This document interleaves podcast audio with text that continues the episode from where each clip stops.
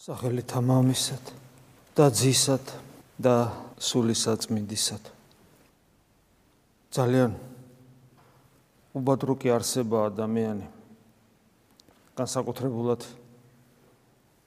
იმის ფონზე თუ რა ამბიციები გააჩნია მას. როდესაც ღმერთმა ადამიანის შექმნა მას დიადი მომავალი და პერსპექტივა ჰქონდა ადამიანს. როცა ის შინაგანად განვითარდებოდა და ღმერთს დაემსგავსებოდა.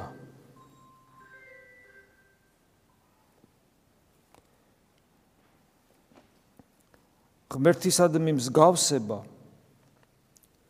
ადამიანის თავისუფალი არჩევანი შეიძლება იყოს მხოლოდ ცხოველს არ შეუძლია ღმერთს დაემსგავსოს, იმიტომ რომ მას არჩევანიც არ აქვს. ცხოველი მხოლოდ იწრთნება. ადამიანიც შეიძლება გაიწთვნას, მაგრამ ის გაწთვნით, რაც არ უნდა კარგად გაიწთვნას და გაწთვნილ მდგომარეობაში, რაც არ უნდა კარგად გამოიყურებოდეს, ადამიანი ღმერთი ვერ გახდება. ანუ ღვთის მსგავსი არსება ვერ გახდება. ამიტომაც არის თუნდაც წინსწრებით ვიტყვი, რომ როცა ჩვენ საუბრობთ გარეგან ქრისტიანულ ცხოვრებაზე და კეთილ მოწესეობაზე, როცა ადამიანმა შეიძლება ყველაფერი იდეალურად აკეთოს გარეგნულად, ეს არის გაწთვნა საფრთხოს ჯულში, მათ შორის თუ ძლიერინების ყოფა აქვს ადამიანს საკუთარი თავისაც კი, თვით დისციპლინით თუნდაც. ეს არაფერს ნიშნავს.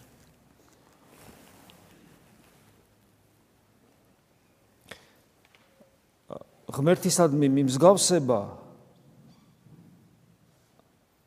ანუ მადლით ღმერთობა რასაც ქვია. ანუ ღმერთისნაირი რომ ხდება ადამიანი.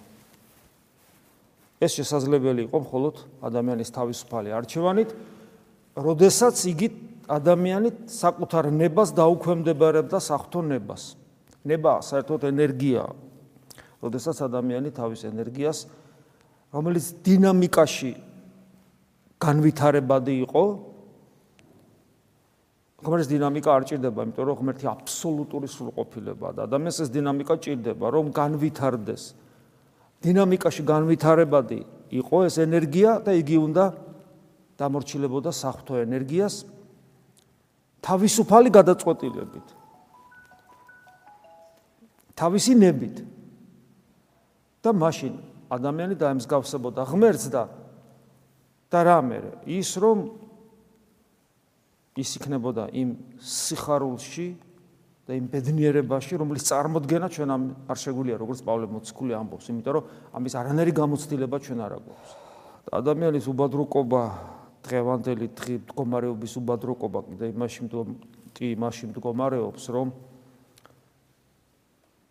ადამიანის ხა ზოგადი სიტყვა ხო არ არის ჩვენ ხო ადამიანები ვართ ანუ ჩვენ ვართ ეს უბადრუკნი ეს ჩვენ ვართ. ადამიანის უბადრუკი მდგომარეობა იმაში მდგომარეობს რომ მან სამოთხეში ადამიანმა რომლიდანაც რომლის წიაღიდანაც ჩვენ ყველა გამოვედით ჩვენ ადამიანში ვიყავით ერთ დროს ყველა ხო? მან გადაწყვიტა ეშმაკით ეშმაკის ეშმაკის მოტყვილებით რომ ყოველგვარი ამის გვერდის გამხდარიყო ღმერთი. დაიჯერა, რომ ის ღმერთი გახდებოდა და დაიჯერა, რომ ის გახდებოდა შემეცნებელი სიკეთისა და ბოროტებისა, განმრჩევი სიკეთისა და ბოროტებისა და აი ეს უბედურება, რომ ადამიანს თავი რაღაცა გონია და ეს რაღაცა სულ მცირე ღმერთობაა, იმიტომ რომ ესე შეიძლება არ ამბობს, მაგრამ ადამიანი ეგეთია რა, მე და დანარჩენი, ანუ ადამიანს ადამიანი თავის თავს უფლებას აძლევს ყველა განსაჯოს, ყველა განიკითხოს, ყველა ყველა გააკრიტიკოს და ნუ თვითონ არის რაც არის. და ყველა ყველა ასეთები ვარ ჩვენ. და აი ეს მდგომარეობა მყარდება იმით, რომ მას აქვს სიმართლე, სიმართლე რამე თუ მას შეუულია კეთილისა და ბოროტის გარჩევა. აი ეს ეს დაავადება, რაც ეშმაკმა ხელში მიაჩეჩა ადამიანს და ადამიანმა შეიწყნარა, რომ კეთილისა და ბოროტის გარჩევა შეგეძლებაო და ასევე ღმერთები ვით იქნებითო, ღმერთი ღმერთები ღმერთები იქნებითო. აი ეს ეს რაც შეაჩეჩა ხელში, პირობითად შეაჩეჩა, რაც მიიღო ადამა და შეისისხორცა აი ის ვართ ჩვენ. და ჩვენ თითოეულ ჩვენგანს აქვს აი ეს უბედურება. თავი რაღაცა გონია და აქვს ეს გამყარებულია, გამყარებულია ეს რაღაცა რომ გონია მე ჩემი თავი, ეს გამყარებულია იმით რომ ვიცი რა რა არის სწორე და რა არ არის სწორე. რა არის კეთილი, რა არის ბოროტი. ყველაფერი ვიცი მე. ჩემი სიმართლე მაქვს.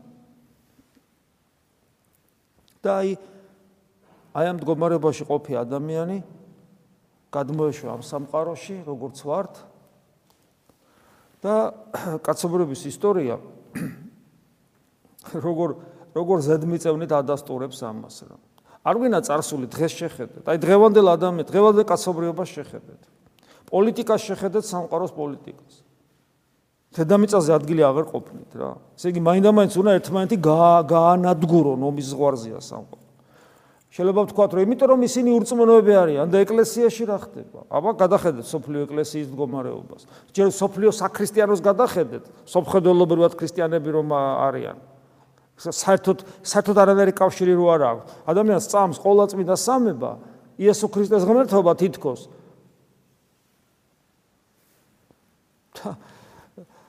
მე დავარსებ ჩემ ეკლესიას, რომელსაც ჭენი ჯოჯოხეთისანი ვერ მოერევიან და ეკლესიის არ აწამს. და ეკლესიის წიაღში ვინც ვართ, მართლმადიდებლობას გულისხმობ, ხო თავის დავაცხადე. აბა აბა ნახეთ რა ხდება, ვინც მეტაკლებად იცის დღეს დღევანდელ სოფლიო მართლმადიდებლობაში რა ხდება? ზუსტად ზუსტად ომის სიტუაცია, ომი ახლა ჩვენ ჩვენ ახლა ეგ აგვაკლია თოფებით დავერიოთ ერთმანეთს, მაგრამ და რაკეტებით, მაგრამ ზუსტად ომის მდგომარეობაში მთელი მართლმადიდებლური სამყარო. აი თავი და ბოლო ადამიანის გონიერებისა, სულ და რის გამო ადამიანი, რატო ვაკეთებთ ამას? რატო ვიუბედურებთ თავს და რატო ვაუბედურებთ სამყაროს? ქრისტიანებს რაღაც დაგვეტაკა, როდესაც დასაცინად ვიხდით, ვიხდით საკუთარ თავს? ამას ლოგიკური პასუხი არ არის. ამას ერთადერთი შეიძლება ამოიოხრო და თქვა, რომ ეს საწოდავი ადამიანი და საკუთარი თავიდან დაიწყო ამის განსჯა, იმიტომ რომ სანამ საკუთარი რასაც ახლა ვლაპარაკობთ, გლობალურად შევეხეთ. ამას სანამ საკუთარ თავზე არ იწონევა ადამიანი, რომ ზუსტად აი ეს ყველაფერი, ეს უბედურება საკუთარ თავშიც რომ ზუსტად ისევე ხდება, სანამ საკუთარ თავზე არ თავში არ დაინახავ და არ იწონევ. აი ჩემ თავს ვეუბნები, შენ თეოდორე, სანამ საკუთარ თავზე ამას ბოლომდე არ იწონევ, შენ თეოდორე, არაფერი არ გეშველება. აი შეიძლება თელ სამყაროს ეშველოს და შენ არ გეშველება, სანამ ამას საკუთარ თავზე არ იწონევ და არ დაინახავ. თუ თავი რაღაცა გოგონია და საკუთარი სიმართლით ზომავ ყველაფერს.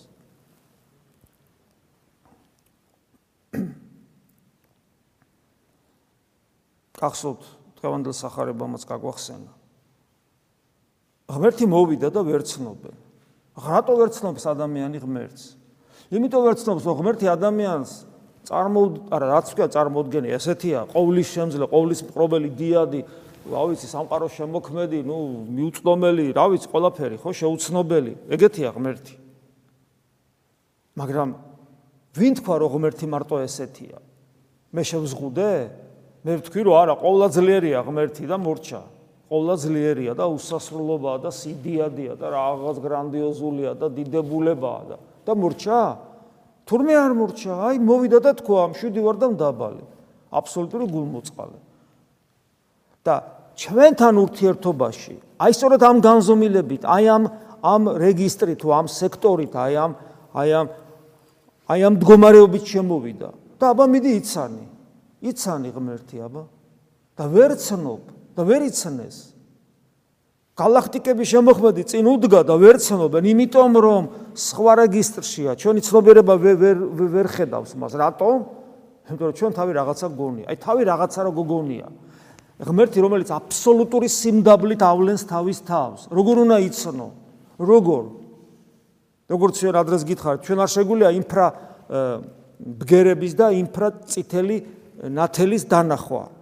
ჩვენ არ შეგვიძლია დანახვა რადიოტალღების. არ შეგვიძლია განა ისინი არ არსებობენ. არ შეგვიძლია იმიტომ რომ ისინი სხვა რეგისტრშია და ჩვენი სმენა და ჩვენი თვალები სხვაგან არის. არაფერ შეგვიძლია ამის გაგება და დანახვა. შეუძლებელია. აი არ შეგვიძლია ჩვენ იესო ქრისტეს დანახვა. რატო ვფიქრობთ ჩვენ რომ უკეთესები ვართ ვიდრე ის ადამიანები რომლებიც ქრისტეს დროს ცხოვრობდნენ? იმათ ვერ დაინახეს და ჩვენ დავინახავთ. მე რა რო გარეგნული ჯული ყოქ ეს არც არ ნიშნავს. იმათაც ქონათ გარეგანი ჯული და ის ჯული ღვთივ გამოცხადებითი ჯული იყო და ე ჩვენც ჩვენიც ახალი აღთქმაა ჩვენი ის ველი აღთქმა იყო, მაგრამ ის აღთქმა ღმერთისგან იყო და ის აღთქმა ისე და იმგვარად იყო ღმერთისაგან გამოცხადებული, რომ მათ ქრისტე ეცნოთ.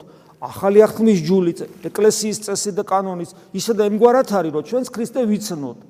და თუ იმათმა ვერ იცნეს, ჩვენ რატომ გონია, რომ რაც უკვე ვიცანით ქრისტე. რატო ვფიქრობთ, რადგან იესო ქრისტეს სახელს ვახსენებთ, ამიტომ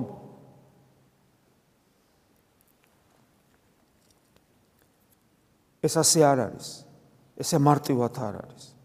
და როდესაც აი ვერ ცნობენ, ვერ ცნობენ და ვინ მოგცეს ხელმწიფება, ანუ ეს ძალაუფლება, რომ ასეთ რაღაცებს აკეთებ, ეკითხებიან, უფალი რას ეუბნება? მითხარით იოანე ნათლის სემელი.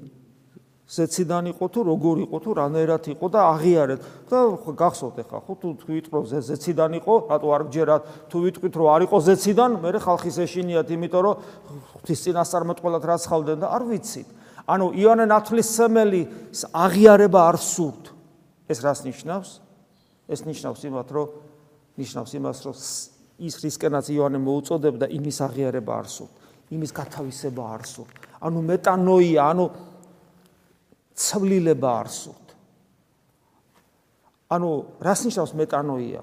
ანუ სინანული რას ნიშნავს? სინანული იმას კი არ ნიშნავს, ან მეტანოია, მეტანოია სინანული, ანუ აბსოლუტური ცვლილება ადამიანის შინაგანი სამყაროსი სინანული იმას კი არნიშნავს რომ მე სინდისმა შემაწუხა და ცოტათი შევიცვალე და სინდისმა შემაწუხა და ჩემი თავის გაუმჯობესება დავიწყე ამას არ ნიშნავს სინანული სინანული ნიშნავს შენში ძველ ადამიანზე უარის თქმას.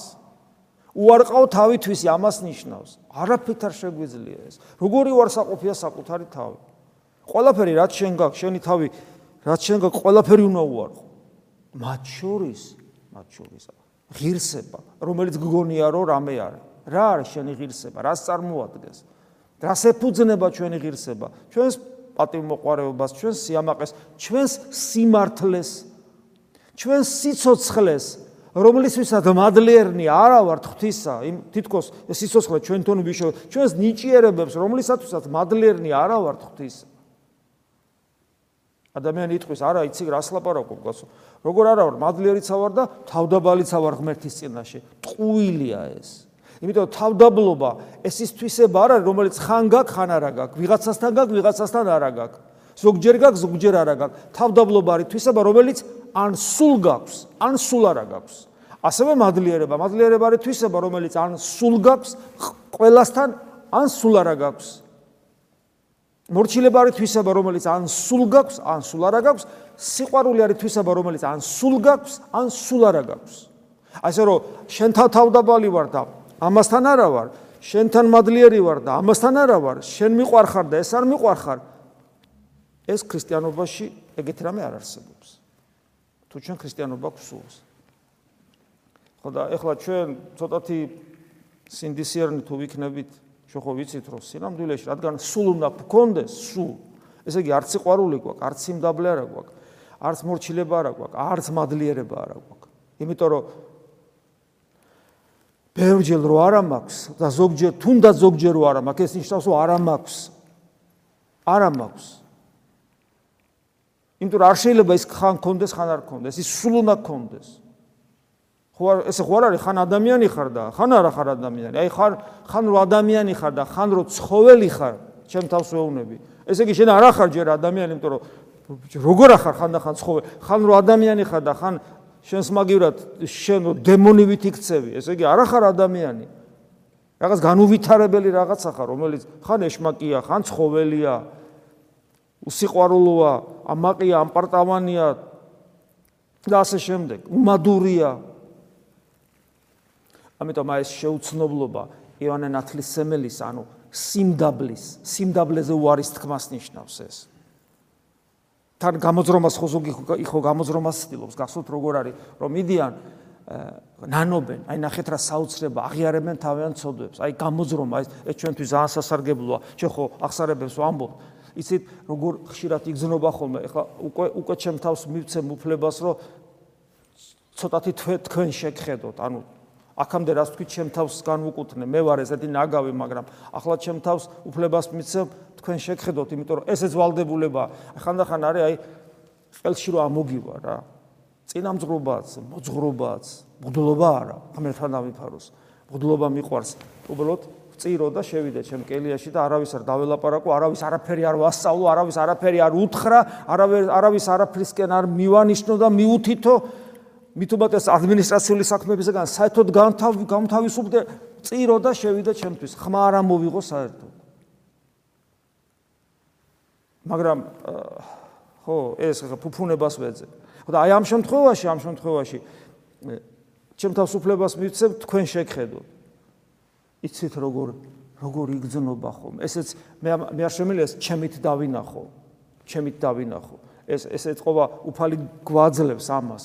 გვაძლევს არა მარტო მე, არამედ მე და თქვენ, მე და თქვენ ერთად გვაძლევს ამას, რომ მე ჩემი პირით, ჩემი სიტყვით უფალი დაგეხმაროთ.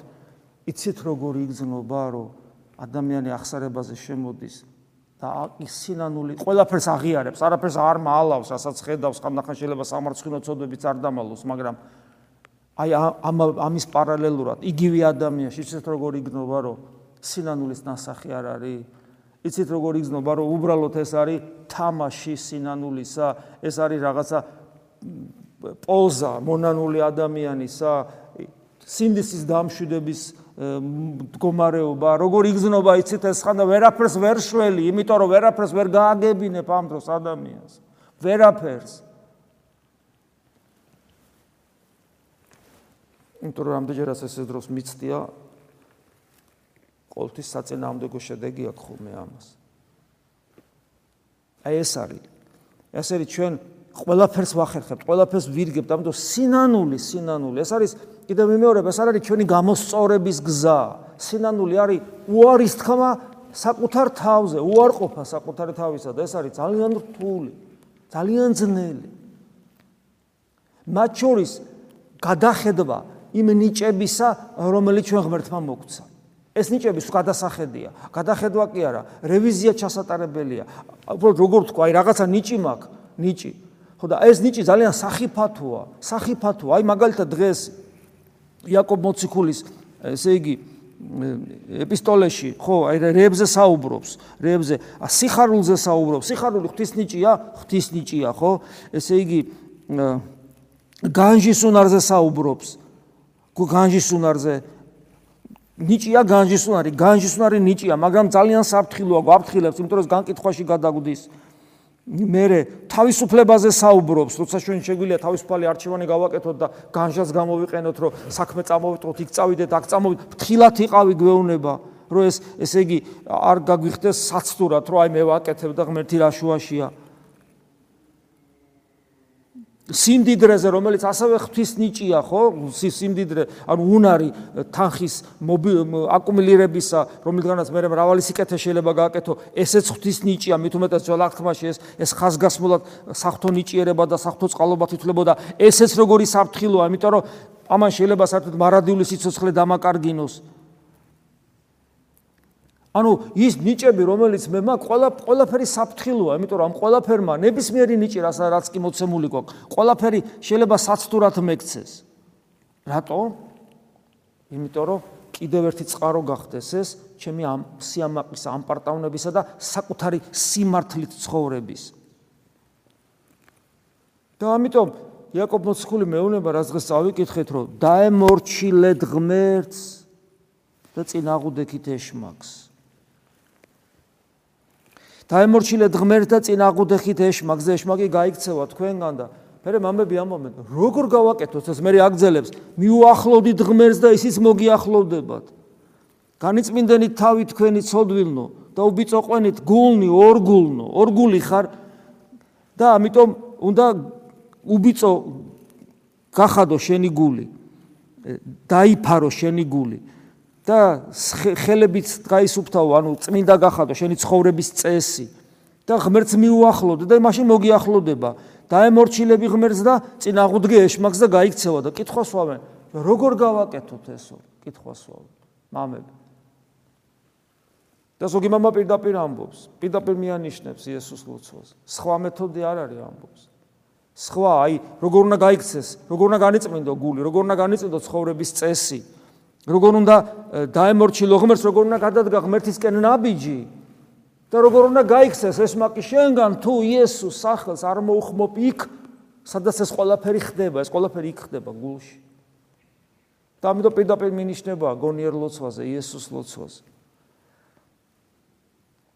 ადამიანი კითხავს დასვავს, კი, მაგრამ თუ ასეთ უბედურებაში ვარ, რატომ არის რომ აი ლოცულობა, აი წირვებზე დგომა მიყვარს, მიხარია. აგერ ვიღაცა, აგერ ვიტყვი მე სასულიერო პირი ვარ, მღვდელი ვარ, აი წეგან ვახსენე მღვდლობა მიყვარს და მღვდლობას ვერაფრით ვერ ვერ შეველევი და ვერ დავთმო. და კი, მაგრამ ესე იგი რას ნიშნავს ეს, რომ ეს ეს ყველაფერი შეიძლება მიყვარდეს მათ შორის გარეგანი მსახურება, მღვდლობა, საიდუმლოებაში მონაწილეობა, ზიარება, დგომა, ლოცვა, ღამე წამოდგომა, გონიერ ლოცვის სწავლა და ფსალმუნების კითხვა და ეს შეიძლება იყოს ტყუილი, დიახ, ეს შეიძლება იყოს ტყუილი და კითხვა შდება, კი, მაგრამ როგორ და რანაირად? ესე იგი მე თუ ღმერთისკენ არ მივდივარ, მე თუ მისკენ არ ვისწრაფი, მის ერთ-ერთი წმინდა მამა ამბობს, გული მოუღლელად უნდა იბრძოდეს იმისათვის, რომ ღვთისნების გასაგებად ისწრაფოს და ღვთისნების აღსასრულებლად ისწრაფოს, რომ ღვთისნების აღსრულებით იგი მიემსგავსოს ღმერთს და გული მოუღლელად უნდა იღწოდეს და იბრძოდეს ამისათვის. და ამას თუ არ ვაკეთებ, აბა მაშინ ეს ატომ სიამოვნებს ეს ყველაფერი. უცნაურ რაღაცას ამბობენ წმინდა მამები, რომ ადამიანი მოხიბლული თავის სიმართლით, თავისი ღირსებებით და ნიჭიერებებით თავისი სენტიმენტალიზმით და თავისი გრძნობებით და ემოციებით საკუთარ თავს ატყილებს რომ ის როგორი კარგი ქრისტიანია როგორი მართალია როგორი კეთილია როგორი გუმხურვალია როგორი კეთილმსახურია მე ამას თუ დაემატა ნიჭები აბა როგორი როგორი წყალობა აქვს ღვთისაგან ამას თუ დაემატა ძალაუფლება, თანამდებობა, სამღვდელო ხარისხი. ადამიანი ეშმაკს უსწრებს მე ამ პარტაუნები და ვერც კი ხვდება. აი როგორც იაკობოს კულთან წავიკითხეთ, დიდარი არის რამ ყველაფერი ნიჭიერებებით, როგორც ვერც კი ხვდება, როგორ ამზადებს საკუთარ თავს იმ ცხოველივით, რომელსაც ასუქებენ სუფთა და ინახავენ, რომ დაკლან და შეჭამონ.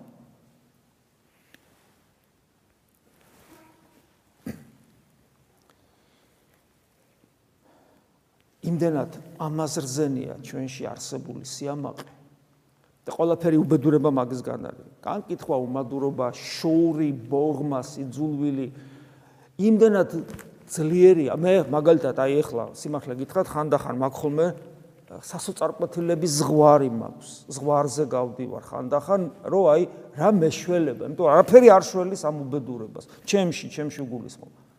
მე როგორც ნუგეში მომდის ხოლმე ნუგეში მომდის როცა წმინდანების გავიხსენებ და ერთ-ერთი ყველაზე მანუგეშებელი სილვანია დიდი სილვან ათონელი რომელიც აი არ ვიცი მისი სათნოება ცეცხლივით სანთელივით მოდი ეს უფრო ლამაზია სანთელივით ენთო ადამიანი როგორ ცხოვრობდა? და უფალი ეუბნება გამოცხადება შენი ღვაწლი საზიზღარია ღვთის წინაშე საზიზღარია. აბა რა ვქნა? ბოროც ვერ ერევა.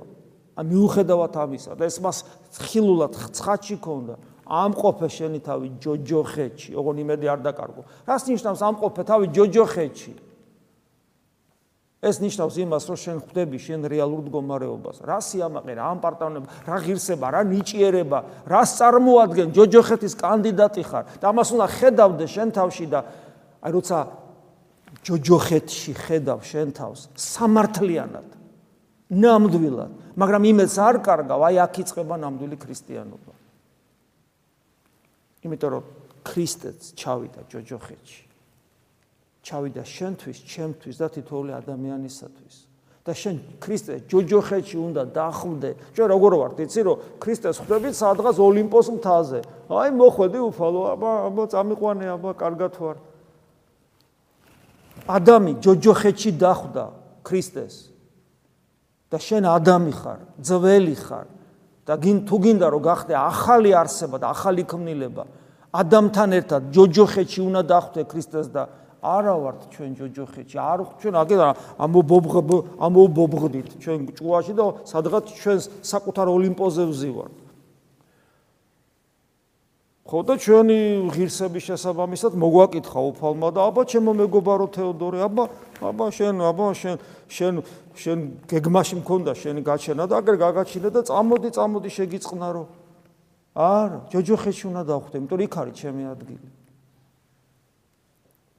და ერთ-ერთი ყველაზე მეტად რაშიც ვლინდება ჩვენი აი ეს თავდაყირა ქრისტიანობა რომელსაც არანაირი კავშირი ქრისტიანობასთან სინამდვილეში არ აქვს ეს არის ჩვენი ეს მოუღლელი ენა მოუღლელი განკითხვისათვის. სურო განვიკითხავ და სურო ვიღაცაზე შეგვიძლია ვთქვა რაღაცა. მოვიკვნიტოთ უნდა ეს ენა და ერთხელ და სამუდამოდ დავასრულოთ ხებზე ლაპარაკი. ვილაპარაკოთ მხოლოდ საქმეზე და საკუთარ თავზე და არა სხვას. თუ ამას არ გავაკეთებთ ერთხელაც ჩამორეკავს ჩვენი ამ ქვეყნიდან გასulis ზარი და მე რა ვნახავთ აღმოვაჩენთ რომ ყველა გვიცხოვრი ღმერთმან უკნას თითოული თქვენგანი დაიფაროს უფალმა და მეც თქვენთან ერთად დამიფაროს უფალმა ამინ. მადლი უფლისა ჩვენისა იესო ქრისტეს. და სიყვარული ღვთისა და მამის და ზიარება სულისა წმინდისა იყოს თქვენ ყოველთა თანა